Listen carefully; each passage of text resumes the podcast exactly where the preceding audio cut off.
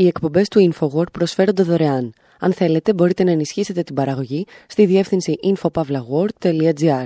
Η διεύθυνση infopavlagor.gr. Η εκπομπή InfoWord με τον Άρη Χατζηστεφάνου.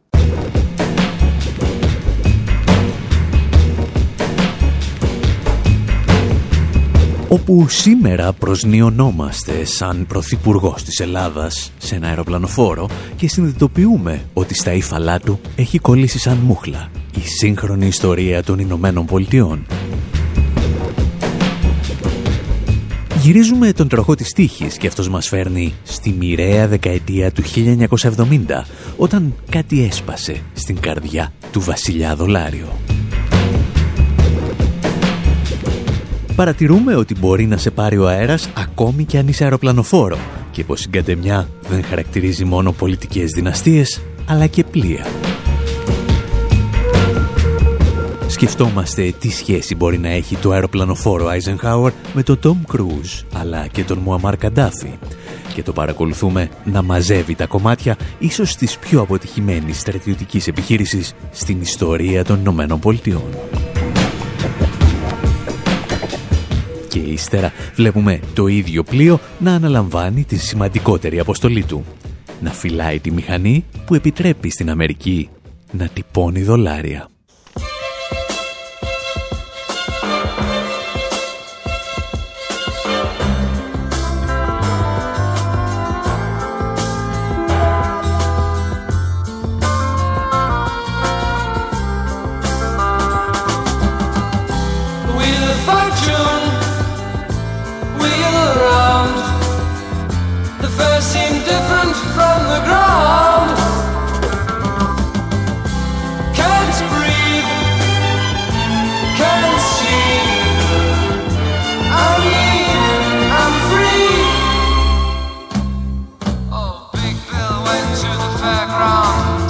Himself a swinging time. He won himself a coconut Harry and a bottle of cheap red wine. And he went on the great big dipper, but it didn't make him lose his cool. But when he climbed down the wheel of fortune, then he really fell off his stool.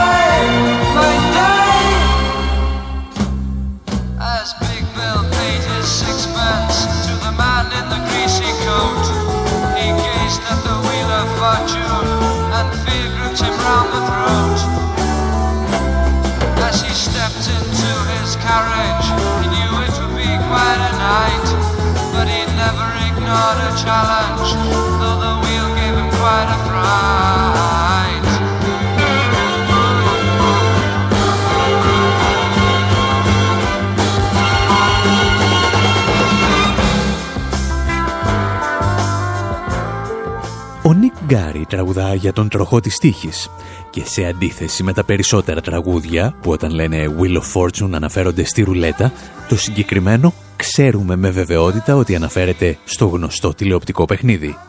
Γιατί το είδαμε στο βίντεο κλιπ.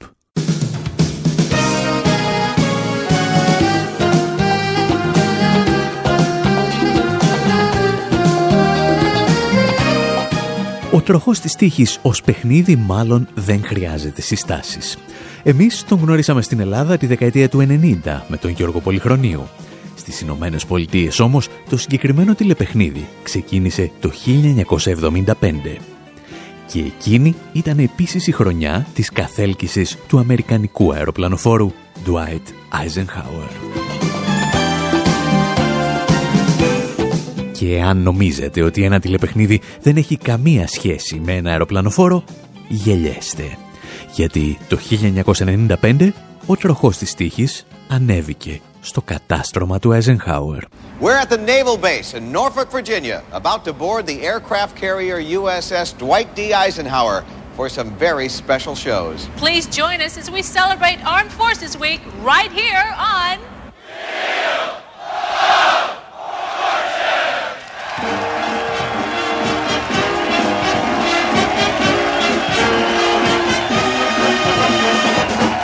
Το πλήθος που ακούτε να φωνάζει Wheel of Fortune είναι εκατοντάδες ναύτες, πιλότοι και τεχνικό προσωπικό του αεροπλανοφόρου Eisenhower.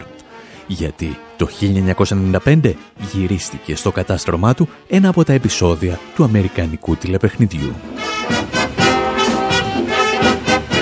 Δίπλα στα μαχητικά αεροσκάφη τοποθετήθηκε ένα πολυτελές αυτοκίνητο και ένα Chris Craft. Ήταν τα έπαθλα για τους παίκτες και εκεί που συνήθως σέρνονται τα ελαστικά των μαχητικών αεροσκαφών, περπατούσαν νεαρές κοπέλες με εφαρμοστά φορέματα και ψηλά τακούνια.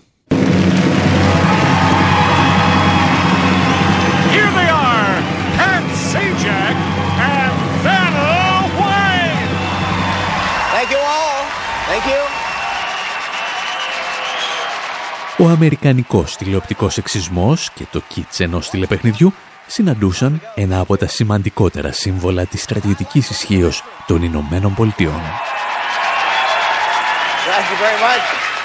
Και αυτό δεν πρέπει να μας προκαλεί την παραμικρή έκπληξη. Γιατί το Eisenhower δεν συμβολίζει μόνο την στρατιωτική ισχύ, αλλά όλες τις εκφάνσεις της σύγχρονης Αμερικανικής Αυτοκρατορίας. Για να τα εξηγήσουμε όμως όλα αυτά καλύτερα, θα χρειαστεί να επιστρέψουμε αρκετές δεκαετίες πίσω και θα χρειαστούμε τη βοήθεια της Τζοαν Μπαέζ.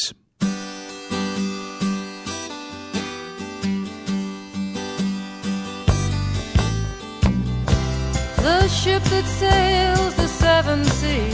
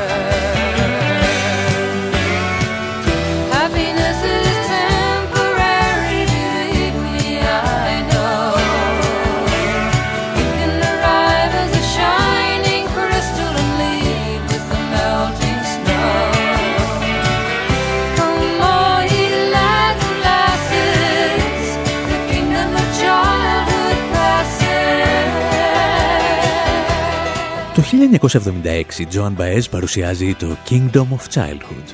Τραγουδά για ένα καράβι το οποίο θα πλέει, λέει, στις επτά θάλασσες σπέρνοντας το θάνατο, όπως οι Vikings.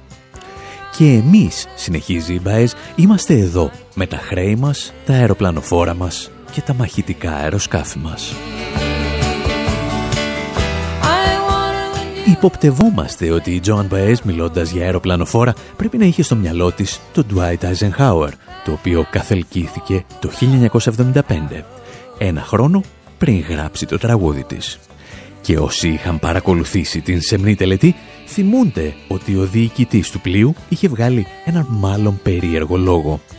Ένα λόγο που δεν θύμιζε καραβανά του Πενταγώνου, αλλά αλογομούρι της Wall Street.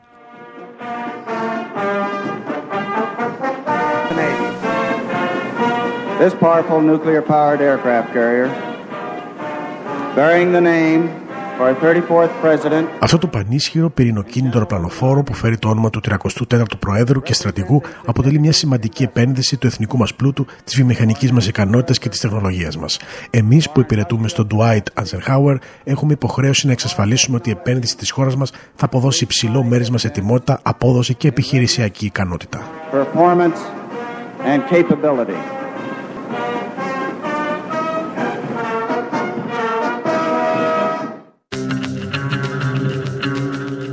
Eisenhower λοιπόν δεν καλούνταν να προστατεύσει την πατρίδα ή να εξάγει την Αμερικανική Δημοκρατία, όπως συνήθως λένε οι στρατέοι του Πενταγώνου. Καλούνταν να προσφέρει υψηλομέρισμα. Και αυτό γιατί το συγκεκριμένο πλοίο έπεφτε στο νερό σε μια από τις πιο δύσκολες στιγμές στην ιστορία της Αμερικανικής οικονομίας. Τα σχέδια για την κατασκευή του συγκεκριμένου αεροπλανοφόρου είχαν κατατεθεί το 1970. Η καθέλκυσή του όμως θα πραγματοποιηθεί όπως είπαμε το 1975. Μόνο που σε αυτή την πενταετία που μεσολάβησε η Αμερική ήταν πλέον μια διαφορετική χώρα.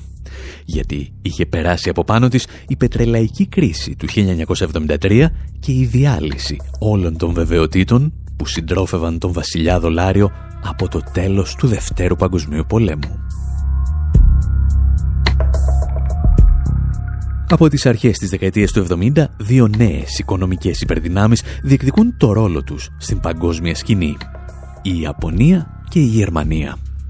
Οι χώρες τις οποίες ενίσχυε παλαιότερα η Δύση για να αποτελέσουν ανάχωμα στη Σοβιετική Ένωση, τώρα ζητούσαν να ξεπεράσουν το δάσκαλό τους. Οι τάσεις αποσάθρωσης της αμερικανικής ισχύως αποτυπώνονται στις αγορές. Το 1971 ο βασιλιάς δολάριο αποδεικνύεται γυμνός. Οι Ηνωμένες Πολιτείες δεν έχουν αρκετό χρυσό για να καλύψουν τις δανειακές υποχρεώσεις τους. Και οι κερδοσκόποι που ως φρένονται την αδυναμία πέφτουν να κατασπαράξουν το αμερικανικό νόμισμα. Ο πρόεδρος Νίξον κλείνεται στο Camp David μαζί με τους οικονομικούς στρατηγούς του, τον Υπουργό Οικονομικών και τον Διοικητή της Κεντρικής Τράπεζας. Συζητούν για ώρες, μέχρι τη στιγμή που αποφασίζουν τη μεγάλη αντεπίθεση. Μια αντεπίθεση την οποία ανακοινώνει ο ίδιος ο Νίξον σε έκτακτο τηλεοπτικό του διάγγελμα. We must protect the position of the American dollar as a pillar Πρέπει να προστατεύσουμε τη θέση του Αμερικανικού δολαρίου ως πυλώνα της νομισματικής σταθερότητας σε ολόκληρο τον κόσμο. Τα τελευταία 7 χρόνια παρατηρείται κατά μέσο όρο μια νομισματική κρίση το χρόνο. Από αυτές τις κρίσεις δεν κερδίζουν ούτε εργάτες, ούτε επενδυτές, ούτε οι δυνάμεις πραγματικής οικονομίας. Κερδίζουν οι κερδοσκόποι. Και τις τελευταίες εβδομάδες οι κερδοσκόποι κήρυξαν ολοκληρωτικό πόλεμο εναντίον του δολαρίου. Για το λόγο αυτό διέταξα τον Υπουργό Οικονομικών να λάβει όλα τα απαραίτητα μέτρα για να προστατεύσει το δολάριο από τους κερδοσκόπους. Του έδωσε εντολή να διακόψει τη μετατρεψιμότητα του δολαρίου σε χρυσό και άλλα αποθεματικά.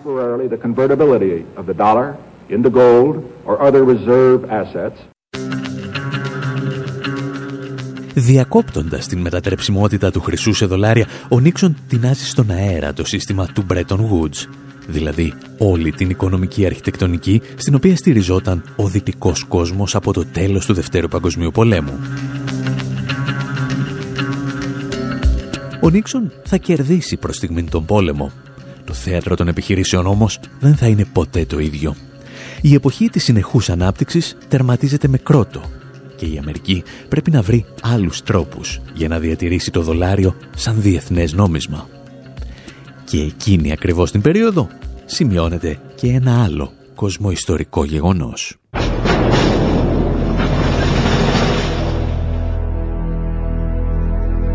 Saturday, the 6th of October 1973, Yom Kippur, the holiest day of the Jewish calendar. Israel's border troops, below strength during the holiday, came under surprise attack by Syrian and Egyptian forces. Τα αμερικανικά δελτία ειδήσεων περιγράφουν τον πόλεμο του Yom Kippur μεταξύ του Ισραήλ και των γειτονικών αραβικών χωρών. Και λίγο αργότερα αρχίζουν να περιγράφουν και μία ακόμη σημαντικότερη παράπλευρη συνέπεια αυτού του πολέμου. Βρισκόμαστε πλέον στα 1973. This is NBC Nightly News, Wednesday, October 17th. Reported by John Chancellor. Good evening. The Middle East War produced developments all over the world today. Καλησπέρα. Ο πόλεμος στη Μέση Ανατολή πυροδοτεί σήμερα εξελίξεις σε όλο τον κόσμο. Οι πετρελοπαραγωγές χώρες του αραβικού κόσμου αποφάσισαν να χρησιμοποιήσουν το πετρέλαιο σαν πολιτικό όπλο. Θα μειώνουν την παραγωγή κατά 5% το μήνα έως ότου το Ισραήλ αποχωρήσει από τα κατεχόμενα έδαφη. Εάν τηρήσουν την απόφασή τους, η παραγωγή θα μειωθεί περίπου κατά 50% σε ένα χρόνο. Σε εξέλιξη βρίσκονται ήδη διπλωματικοί λιγμοί στα Ηνωμένα Έθνη, την Ουάσιγκτον και το Κάιρο. There were diplomatic maneuvers at the United Nations, in Washington, and in Cairo.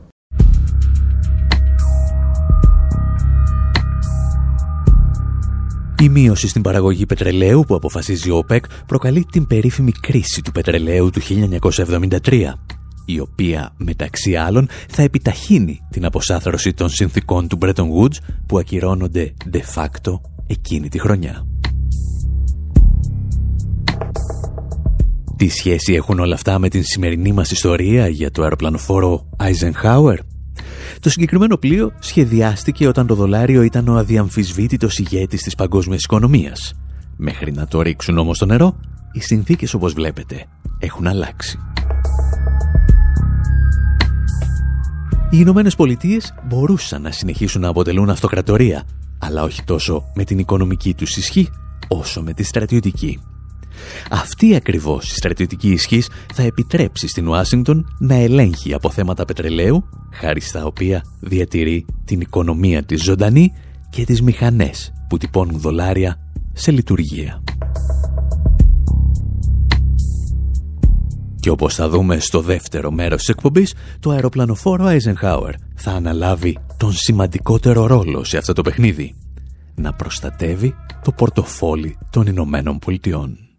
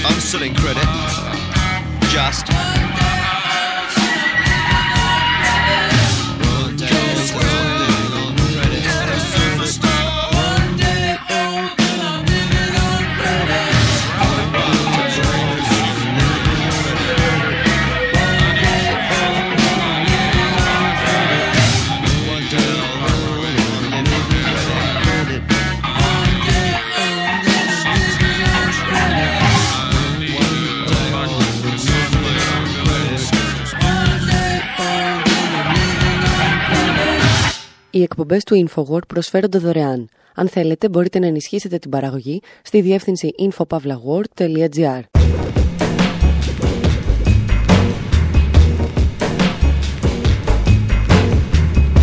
Εκπομπή InfoWar, μέρος δεύτερο. Όπου με αφορμή το σοου που έδωσε ο Κυριάκος Μητσοτάκης στο αεροπλανοφόρο Eisenhower παρακολουθούμε την οικονομική ιστορία των ΗΠΑ και ολόκληρου του πλανήτη ανεβασμένη στον αεροδιάδρομο του πλοίου. Είδαμε το Eisenhower να κατασκευάζεται όταν το δολάριο ήταν ο απόλυτος κυρίαρχος του παγκόσμιου χρηματοπιστωτικού συστήματος και να καθελκύεται όταν πλέον δεν ήταν. Θα δούμε τώρα πως η συγκεκριμένη μηχανή του θανάτου προστάτευσε σε συμβολικό και όχι μόνο επίπεδο το πορτοφόλι της μοναδικής υπερδύναμης. Πρώτα όμως θα μιλήσουμε για το πλοίο των καταραμένων και των καντέμιδων.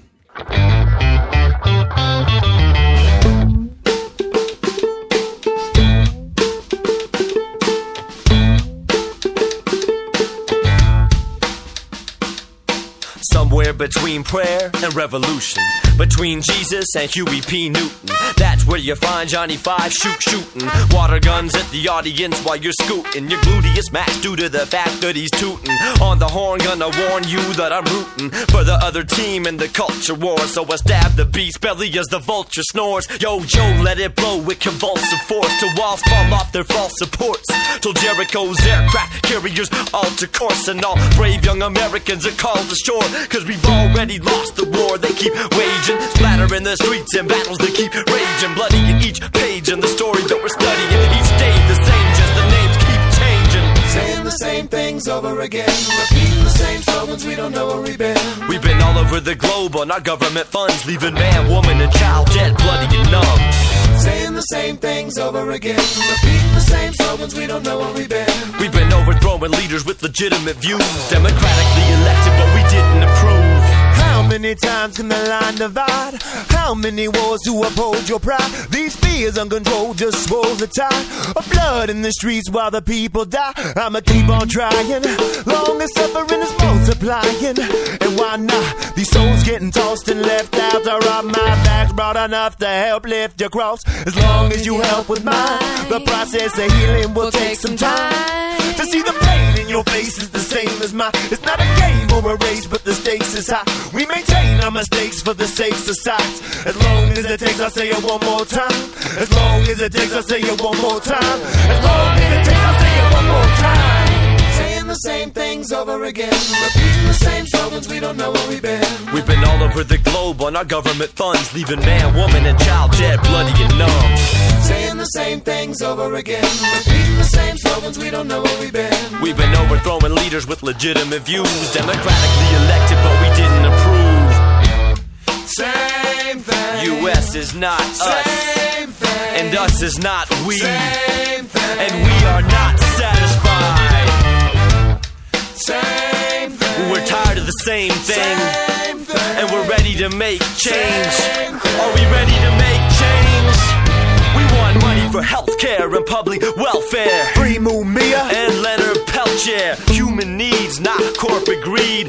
Drop the debt and, And legalize legalize weed. We say yes to grassroots organization, no to neoliberal globalization. Bring the troops back to the USA and shut down Guantanamo Bay. Οι Flowbots από το Denver του Κολοράντο τραγουδούν για τους ναύτες αεροπλανοφόρων, οι οποίοι λέει κάποια στιγμή καλό θα είναι να επιστρέψουν στην ακτή. Ταξιδεύουμε, λέει, με χρήματα της κυβέρνησής μας, αφήνοντας χιλιάδες άντρες, γυναίκες και παιδιά μέσα στο αίμα. Ανατρέπουμε δημοκρατικά εκλεγμένους ηγέτες, η γνώμη των οποίων δεν μας αρέσει. Αυτός πάνω κάτω θα ήταν ο ρόλος του αεροπλανοφόρου Dwight Eisenhower. Η προβολή της Αμερικανικής ισχύως στα πέρατα της οικουμένης. Η αντικατάσταση της πολιτικής της κανονιοφόρου με την πολιτική του αεροπλανοφόρου. Τα πράγματα όμως δεν πήγαιναν και τόσο καλά στην αρχή. Όπως εξηγούσαμε αυτή την εβδομάδα και στη στήλη μας στο Sputnik, η πρώτη αποστολή του ΑΕΚ θα γίνει στη Μεσόγειο στα τέλη της δεκαετίας του 70. Ουσιαστικά όμως το αεροπλανοφόρο θα συμμετάσχει σε πραγματικές επιχειρήσεις ύστερα από μία ακόμη γεωπολιτική και στρατιωτική πανολεθρία των Ηνωμένων Πολιτειών το 1980. Η ιστορία μας ξεκινά 11 μήνες μετά το ξέσπασμα της Ιρανικής Επανάστασης, στις 4 Νοεμβρίου του 1979. Είναι η στιγμή που ο πλανήτης ξυπνάει, ακούγοντας τις τηλεοράσεις του κουβέντες σαν κι αυτές. Good evening. The U.S. Embassy in Tehran has been invaded and occupied by Iranian students. Οι Ιρανοί φοιτητές έχουν εισβάλει στην Αμερικανική πρεσβεία στην Τεχεράνη και κρατούν διπλωμάτες ως ομήρους. Κατά τη διάρκεια της εισβολής όμως καταφέρνουν να διαφύγουν έξι υπάλληλοι της πρεσβείας, οι οποίοι βρίσκουν καταφύγιο στην οικία του πρέσβη του Καναδά. Σύμφωνα με το δημοσίευμα του New York Times και την ταινία Argo, η CIA θα στήσει μια επιχείρηση για να απομακρύνει τους έξι φυγάδες, οι οποίοι προσποιούνται τους ηθοποιούς. Χωρίς να θέλουμε να σας προδώσουμε το τέλος της ταινίας, η CIA τα καταφέρνει μία χαρά. Διαφορετικά δεν θα την έκαναν ταινία με τον Ben Affleck. Αυτό που κανένας δεν φάνηκε να σχολιάζει στην ταινία είναι τι απέγιναν οι υπόλοιποι 52 Αμερικανοί υπάλληλοι της πρεσβείας, οι οποίοι έμειναν όμοιροι για 444 ημέρες. Ο σκηνοθέτης δηλαδή παρέλειψε να σημειώσει ότι δίπλα στη μεγάλη επιτυχία της CIA συντελέστηκε μία από τις μεγαλύτερες ταπεινώσεις για μία χώρα στην παγκόσμια ιστορία της διπλωματίας. Θα αφήσουμε όμως πρώτα τους Led Zeppelin να αποχαιρετήσουν το άργο και να μας επαναφέρουν στην πραγματικότητα.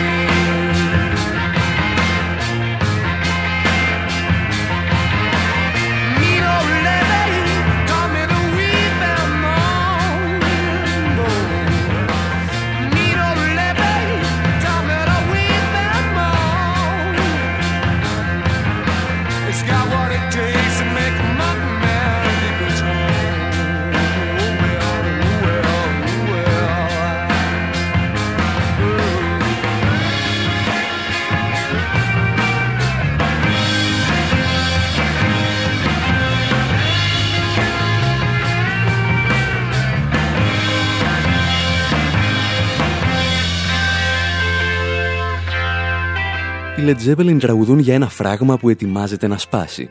Ένα τραγούδι που ακούγεται και στην ταινία Argo. Μόνο που στη δική μας ιστορία το μόνο που έσπασε ήταν η βιτρίνα της Αμερικανικής κυριαρχίας στην ευρύτερη Μέση Ανατολή. Έχουμε αφήσει, αν θυμάστε, 52 Αμερικανούς διπλωμάτες ομήρους στην πρεσβεία τους στην Ιρανική πρωτεύουσα για να δώσει μια λύση στην κρίση, ο πρόεδρος Κάρτερ διατάζει τότε οι ειδικές δυνάμεις του στρατού να εισβάλλουν στην Τεχεράνη και να απελευθερώσουν τους ομήρους.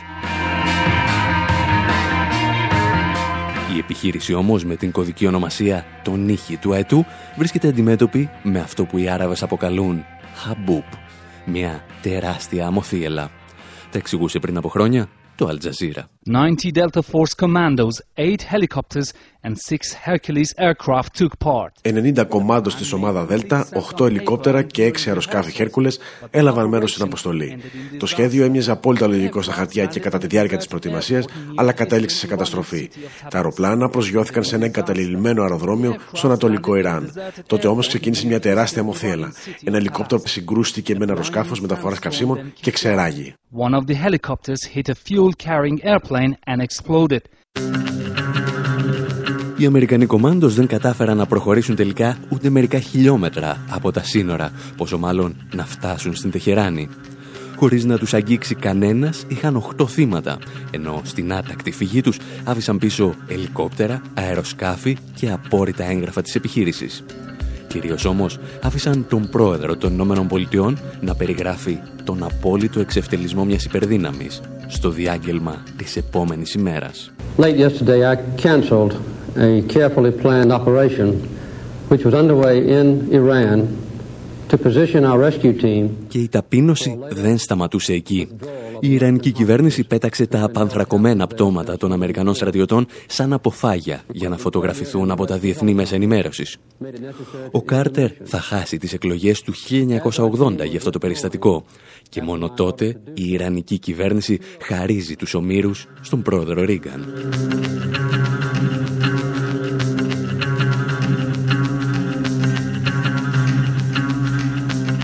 Η αποτυχημένη επιχείρηση του Κάρτερ είχε πραγματοποιηθεί και συντονίζονταν από αμερικανικά αεροπλανοφόρα στον Ινδικό ωκεανό. Στην περιοχή έσπευσε αμέσως και το Dwight Eisenhower, αλλά το μόνο που πρόλαβε ήταν να μαζέψει τα συντρίμμια της αποτυχίας.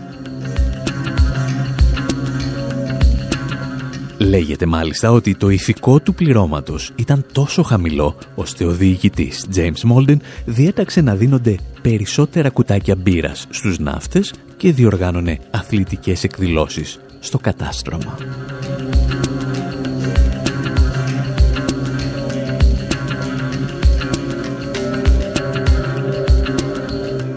Εξίσου αποκαρδιωτική όμως ήταν και η επόμενη αποστολή του αεροπλανοφόρου στη Μεσόγειο, το 1982. Ένα από τα αεροσκάφη του συνετρίβει από μόνο του κοντά στη βάση της Σούδας, με αποτέλεσμα να σκοτωθούν 11 από τους επιβαίνοντες. Και οι αποτυχίες δεν σταματούσαν ποτέ. Το 1988 το αεροπλανοφόρο παρασύρθηκε από τον άνεμο και συγκρούστηκε με ένα ισπανικό δεξαμενόπλιο καθώς έμπαινε στο λιμάνι του Νόρφολκ στη Βιρτζίνια. Απόδειξη ότι ακόμη και τους ισχυρότερους στόλους μπορεί καμιά φορά να τους πάρει ο αέρας. Σταδιακά πάντως αυτή η γιγαντιαία πολεμική μηχανή των ΗΠΑ άρχισε να βρίσκει το βηματισμό της. Ίσως οι πρώτες ουσιαστικές αερομαχίες που πραγματοποίησαν τα αεροσκάφη του ΑΕΚ να ήταν εναντίον των πεπαλαιωμένων MiG-23 της πολεμικής αεροπορίας της Λιβύης, όταν το Πεντάγωνο παρενοχλούσε και βομβάρδιζε τη χώρα του Μουαμάρ Καντάφη. Ήταν μια άνηση και ίσως άνανδρη μάχη, η οποία ενδεχομένως να ενέπνευσε και τους δημιουργούς της ταινίας Top Gun.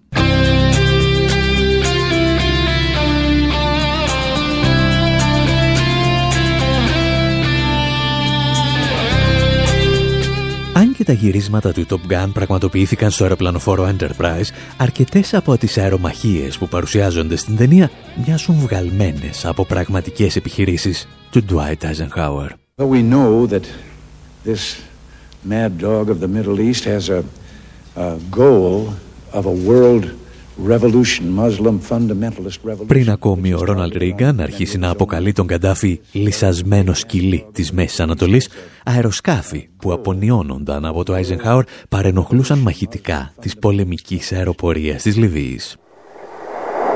Bogies at 7,000 feet. Worth 5. What's up, bogies 13550, Angel 16 ήταν ο προάγγελος σειράς αμερικανικών βομβαρδισμών στη Λιβύη που σκότωσαν περίπου 100 άτομα, μεταξύ των οποίων και την 15 μηνών θετή κόρη του Καντάφη, Χάνα.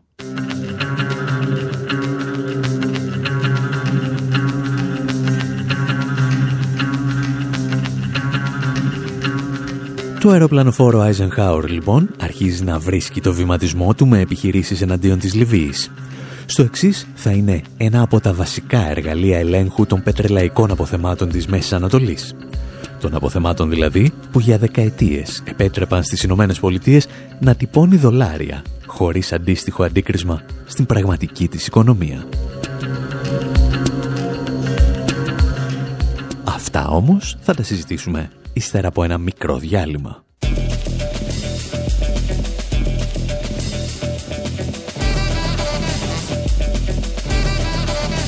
Casualties of war.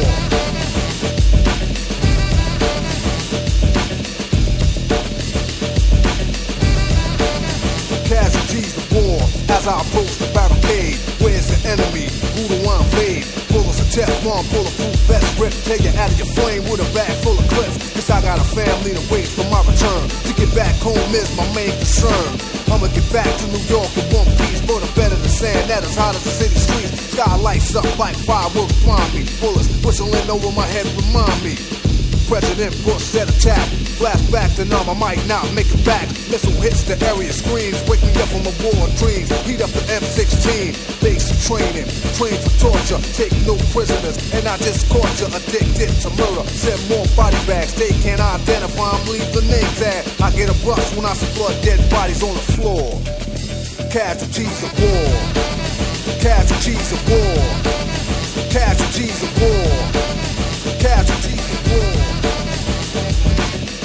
Divides the night and night divides the day. It's all hard work and no play. More than combat, it's far beyond that. Cause I got a kill or be killed kind of attack. Areas mapped out to be no stratego. Me and my platoon make a room wherever we go. But what are we here for? Who's on the other side of the war? Somebody give the president a call. But I hear warfare scream through the air. Back to the battlegrounds, it's war they declare. A desert storm, let's see who reigns supreme. Something like Monopoly, a government scheme. Go to the army, be all you could be. Another dead soldier, hell no, not me. So I start letting off ammunition in every direction. A law is my only protection. But wait a minute, Saddam Hussein prays the same. And this is Asia from where I came. I'm on the wrong side, so change the target. Shooting at the general, and where's the sergeant? Blame it on John Holy Hawkins for bringing me to America. Now it's mass hysteria. I get a rush when I see blood dead bodies on the floor. Casualties of war. Casualties of war. Casualties of war. Casualties of war. The war is over for now at least just because they lost. Το δίδυμο των Eric B. και Ροκίν τραγουδά για τις εμπειρίες ενός Αμερικανού στρατιώτη στον πρώτο πόλεμο του Περσικού κόλπου. Με έστειλε ο Μπούς τραγουδούν και η μόνη εκπαίδευση που είχα είναι πώς να βασανίζω τους αντιπάλους μου; Σε αυτόν τον πρώτο πόλεμο του Περσικού κόλπου, το αμερικανικό αεροπλανοφόρο Eisenhower θα κληθεί να παίξει ίσως το σημαντικότερο ρόλο της αντιπαράθεσης. Δεν εμπλέκεται άμεσα στις στρατιωτικές επιχειρήσεις στο Ιράκ, αλλά αναλαμβάνει τη φύλαξη της Σαουδικής Αραβίας από ενδεχόμενη επίθεση του Σαντάμ Χουσέιν. Το Ριάντ πλήρωνε ίσως το μεγαλύτερο κόστος των πολεμικών επιχειρήσεων και η Ουάσιγκτον είχε στείλει ως αντάλλαγμα μια πλωτή στρατιωτική βάση για να το προστατεύει. Και αυτή η αποστολή ήταν ακόμη σημαντικότερη και από την επιχείρηση καταιγίδα της ερήμου.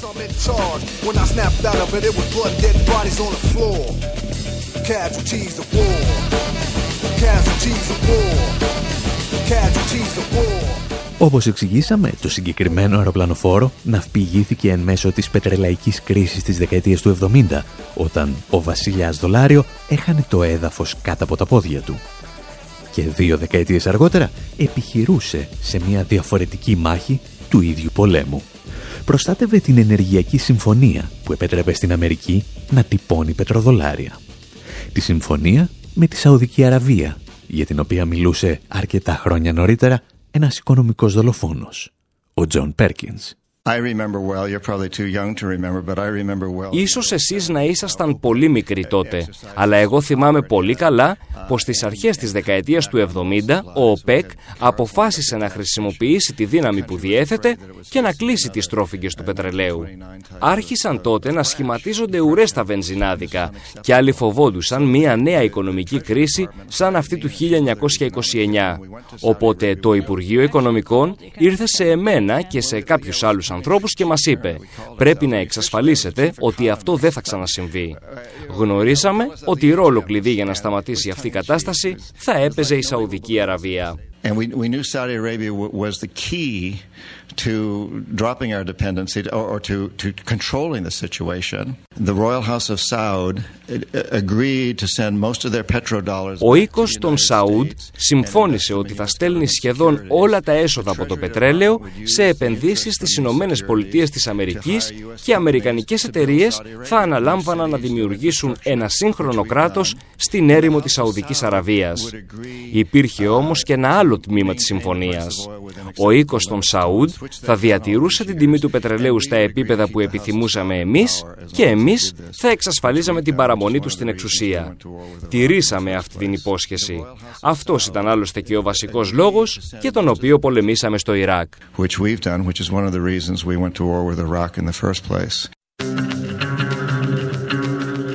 Το αεροπλανοφόρο Eisenhower λοιπόν καταφέρνει να συμπυκνώσει όσο κανένα άλλο οπλικό σύστημα των ΗΠΑ τη σύγχρονη αμερικανική οικονομία. Μια οικονομία η οποία όταν άρχισε να χάνει τη δυναμική της στράφηκε στα όπλα για να διατηρήσει την πρωτοκαθεδρία της.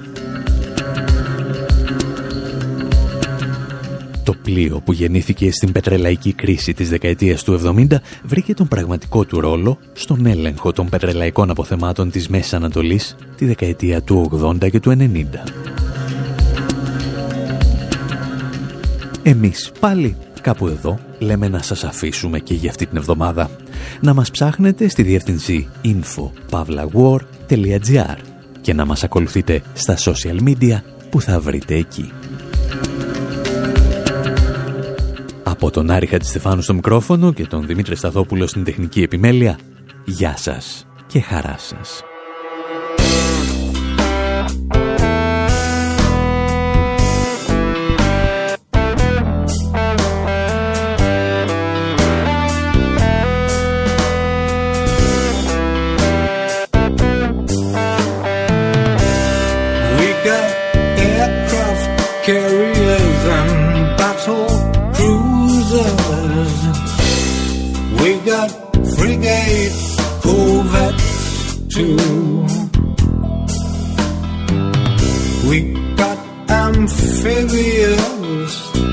Little assault ships, mighty destroyers of the clue.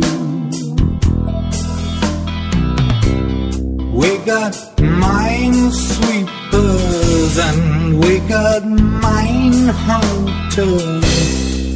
and we got torpedo boats. We got submarines that enrich the scenes of naval warfare, whatever it denotes. But what about this armament? Will you please people where the went? Hey, how about?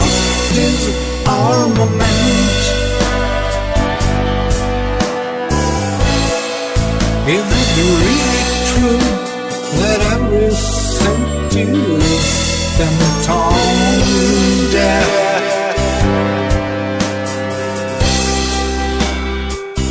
Death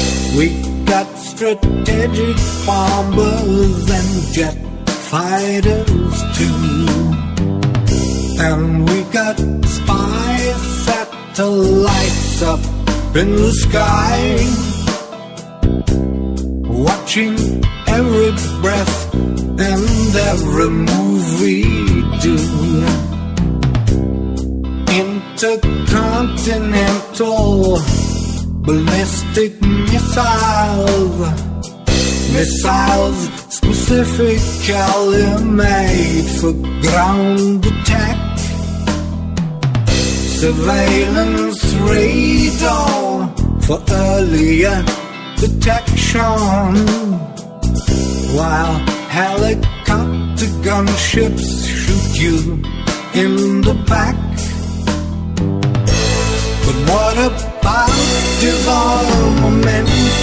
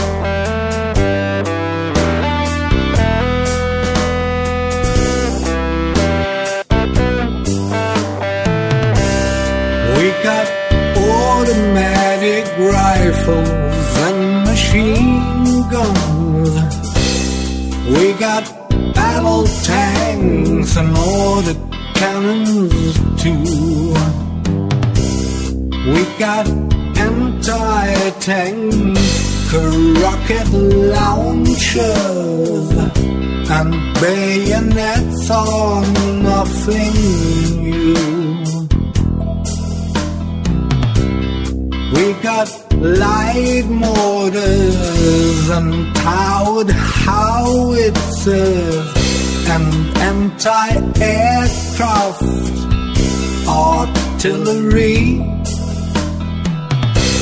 Smitten by the charms of modern firearms, no one seems to disagree. What about disarmament? Will you please tell the people where the billions went? Hey, how about disarmament?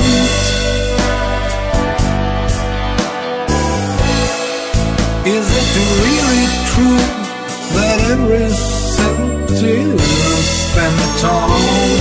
Death